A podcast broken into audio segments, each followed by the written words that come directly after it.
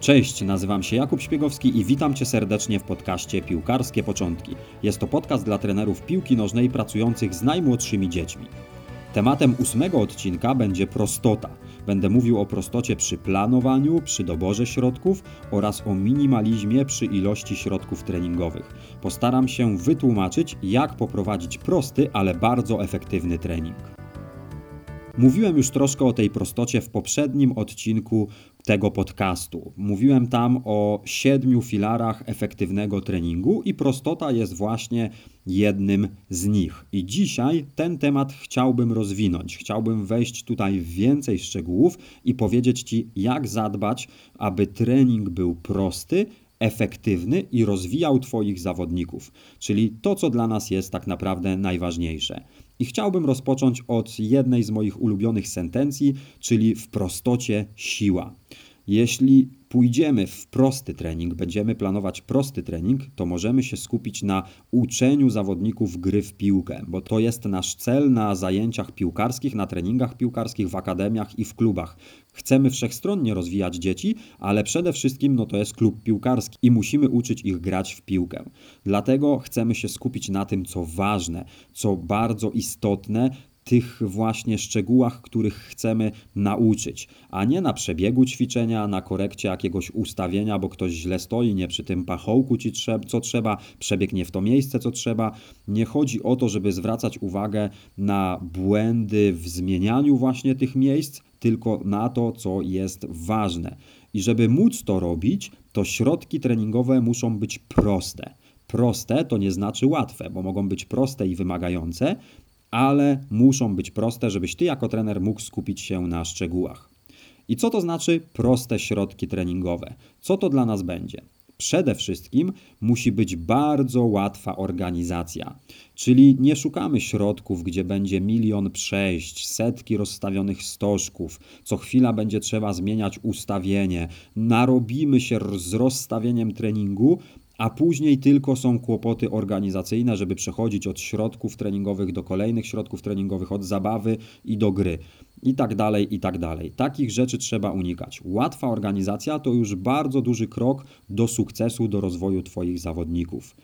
Ćwiczenia te, czy zabawy, czy gry musimy także planować tak, żeby gdy jeden z zawodników coś mu nie wyjdzie, wysypie się, tak mówiąc kolokwialnie, to cała zabawa nie polegnie, cała gra nie polegnie. Jeśli ktoś zawiedzie, ktoś gdzieś się pomyli, ktoś coś zrobi źle, to żeby nie było nagle tak, że przerywamy ćwiczenie, wszyscy stoją, wszyscy czekają i trzeba po prostu poprawić tego, zachowanie tego jednego zawodnika. Jeśli każdy ćwiczy indywidualnie albo gra jest na tyle uniwersalna, że po prostu ktoś na chwilę wypada z gry, no to później wszystko toczy się dalej z resztą zawodników i to jest też bardzo ważny element każdego treningu. Proste środki treningowe to też takie środki, które jesteś w stanie bardzo szybko wytłumaczyć. Czyli tak jak mówimy na szkoleniach, 20, maksymalnie 30 sekund i już wszystko jest wytłumaczone, dzieci mogą działać. Jeśli coś musisz tłumaczyć przez minutę albo przez dwie minuty, to już znaczy, że jest po prostu za trudne. Dzieci tego nie zapamiętają, nie zapamiętają zasad, które im przedstawisz, będą się mylić, więc to ćwiczenie jest po prostu za trudne i nie będzie wychodzić wychodziło. Dlatego, jeśli patrzysz już na ćwiczenie, zabawę czy grę, dobierasz sobie ją do treningu i widzisz, że będziesz musiał bardzo długo tłumaczyć zasady, to sobie odpuść. Jeśli możesz, to rozbij ten opis na etapy i mów na przykład na początku tylko prowadzimy piłkę, później przerwij, dołóż jakieś zadanie, tak żebyś mówił 10-15 sekund maksymalnie i wtedy może takie bardziej złożone zadanie przejść. Ale jeśli chcesz naraz zgadać 2 albo 3 minuty, no to nie ma szans. Poza tym w prostych środkach treningowych też powinno być mało ograniczeń, jak najmniej tych ograniczeń.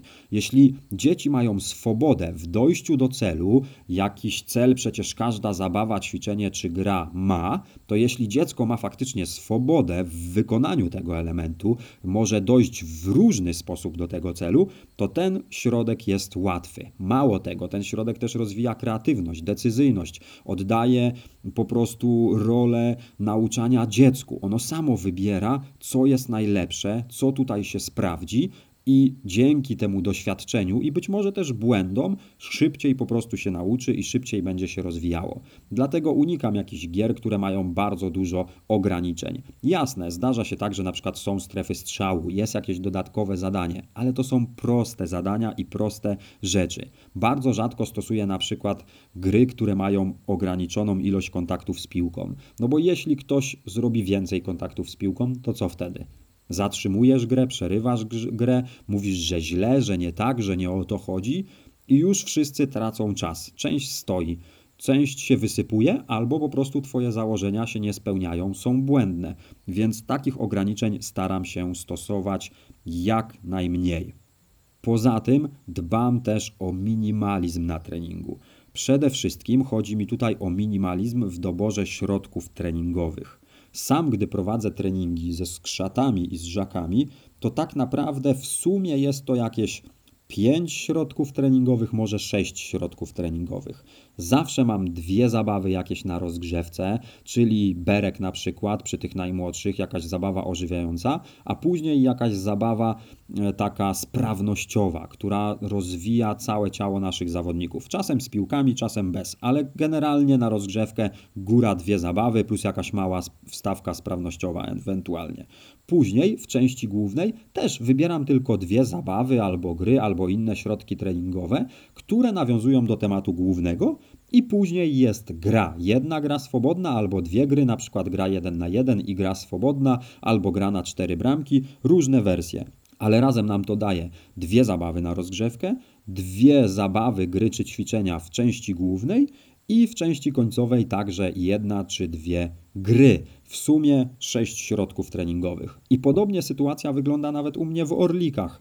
Tam jest to mniej więcej 6, może czasem 7 środków treningowych. Na rozgrzewkę też mam dwa zadania. W części głównej zazwyczaj dwie gry albo ćwiczenie i grę, albo zabawę i grę.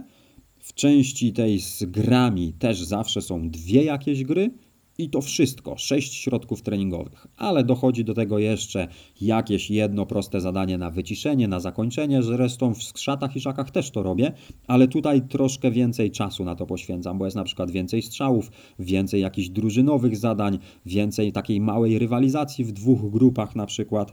Więc tak naprawdę jest to góra 7 środków treningowych. Co prawda nie wliczam tutaj jakichś prostych wstawek motorycznych, na przykład krótkiego ćwiczenia szybkościowego, bo to naprawdę tam zajmuje minimalną ilość czasu, ale takie główne środki treningowe to w tych wszystkich kategoriach wiekowych będzie od 5 do 7, maksymalnie 7 środków treningowych. I ten minimalizm jest bardzo ważny ze względów organizacyjnych, bo jeśli zaplanujesz tylko kilka zabaw, gier czy ćwiczeń, to łatwo ci przejść z jednego do drugiego. Albo możesz wszystko już przygotować wcześniej, ustawić sobie boisko, przygotować cały plac gry, albo bardzo łatwo, płynnie przejdziesz od jednego do drugiego zadania, przekładając tylko kilka rzeczy. Kolejna rzecz, gdzie liczy się dla mnie minimalizm, to także wybór tylko kilku rozwiązań. I co mam tutaj na myśli? Chodzi mi na przykład o takie rzeczy jak zwody. Wolę, żeby moi zawodnicy uczyli się dwóch, trzech zwodów, ale uczyli się ich wykonywać tak, żeby mogli później zrobić je podczas gry, wykorzystać je w czasie gry. A to jest moim zdaniem lepsza droga niż nauczanie 20 czy 30 różnych zwodów, ale żadnego z nich nie wykorzystujemy w grze. Wiem, że to ma jeszcze zalety koordynacyjne, bo taka nauka różnych skomplikowanych zwodów to jest bardzo dobry e, sposób na rozwój koordynacji. Ale jeśli wchodzę w temat zwodów, to wolę, żeby to było faktycznie dwa czy trzy zwody opanowane bardzo dobrze, wykorzystywane w grze, niż e, ilość ich bardzo duża, ale żadnego nie będzie potrafił zrobić dobrze, żadnego nie wykorzysta w grze. Więc tutaj też dla mnie liczy się minimalizm.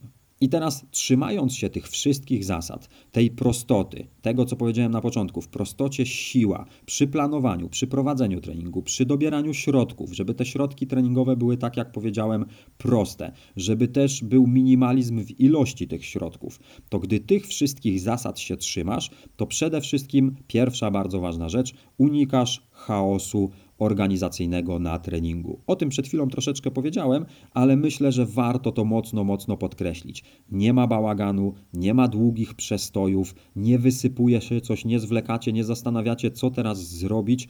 Nie ma tego po prostu chaosu i bałaganu na treningu. Mało tego, taki chaos, taka organizacyjna nieporadność to także burzy autorytet trenera. Jeśli dzieci widzą, że trener się miota, coś nie wychodzi, nie potrafi wytłumaczyć, co chwilę się coś wysypuje, to ten autorytet jednak spada. Nawet już u 8-9-letnich dzieci.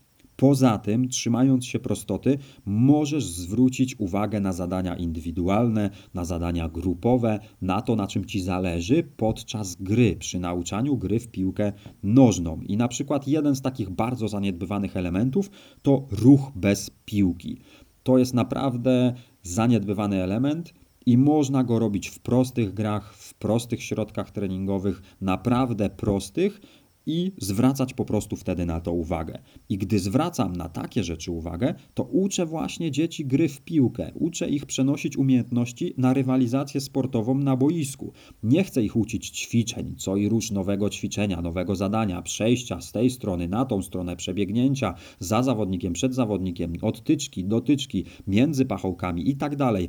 Nie chcę tracić czasu na tłumaczenie i nauczanie nowych ćwiczeń, tylko chcę uczyć dzieci gry w piłkę. I tu jest jeszcze jeden bardzo ważny element, czyli szczegóły. Coś, co nazywam zaleceniami. W angielskiej literaturze można to spotkać jako coaching points, czyli zwracamy uwagę na szczegóły, jakie chcemy, żeby zawodnik e, po prostu robił podczas wykonywania danego elementu. Na przykład mamy grę 1 na 1 z przeciwnikiem z przodu, więc takim zaleceniem dla mnie może być szybkość, wykorzystanie szybkości i nie zatrzymywanie się, nie zwalnianie, żeby zawodnik, który idzie frontalnie na obrońcę, jak najszybciej starał się go minąć i jak najszybciej oddał strzał do bramki. I na takich wiele szczegółów możesz zwracać uwagę, gdy Twoje środki treningowe są proste, bo zamiast patrzeć na przebieg i poprawiać, korygować jakieś przejścia, błędy, to możesz skupić się po prostu na szczegółach.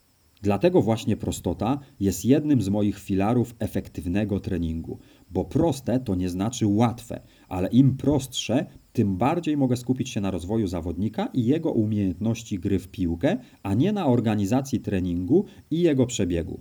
Dlatego pamiętaj, planuj trening tak, by był prosty i efektywny, a nie widowiskowy z tak zwanymi fajerwerkami. Powtórzę to, co powiedziałem na początku tego odcinka i w poprzednim odcinku. W prostocie siła. I tak właśnie chciałbym zakończyć dzisiejszy odcinek.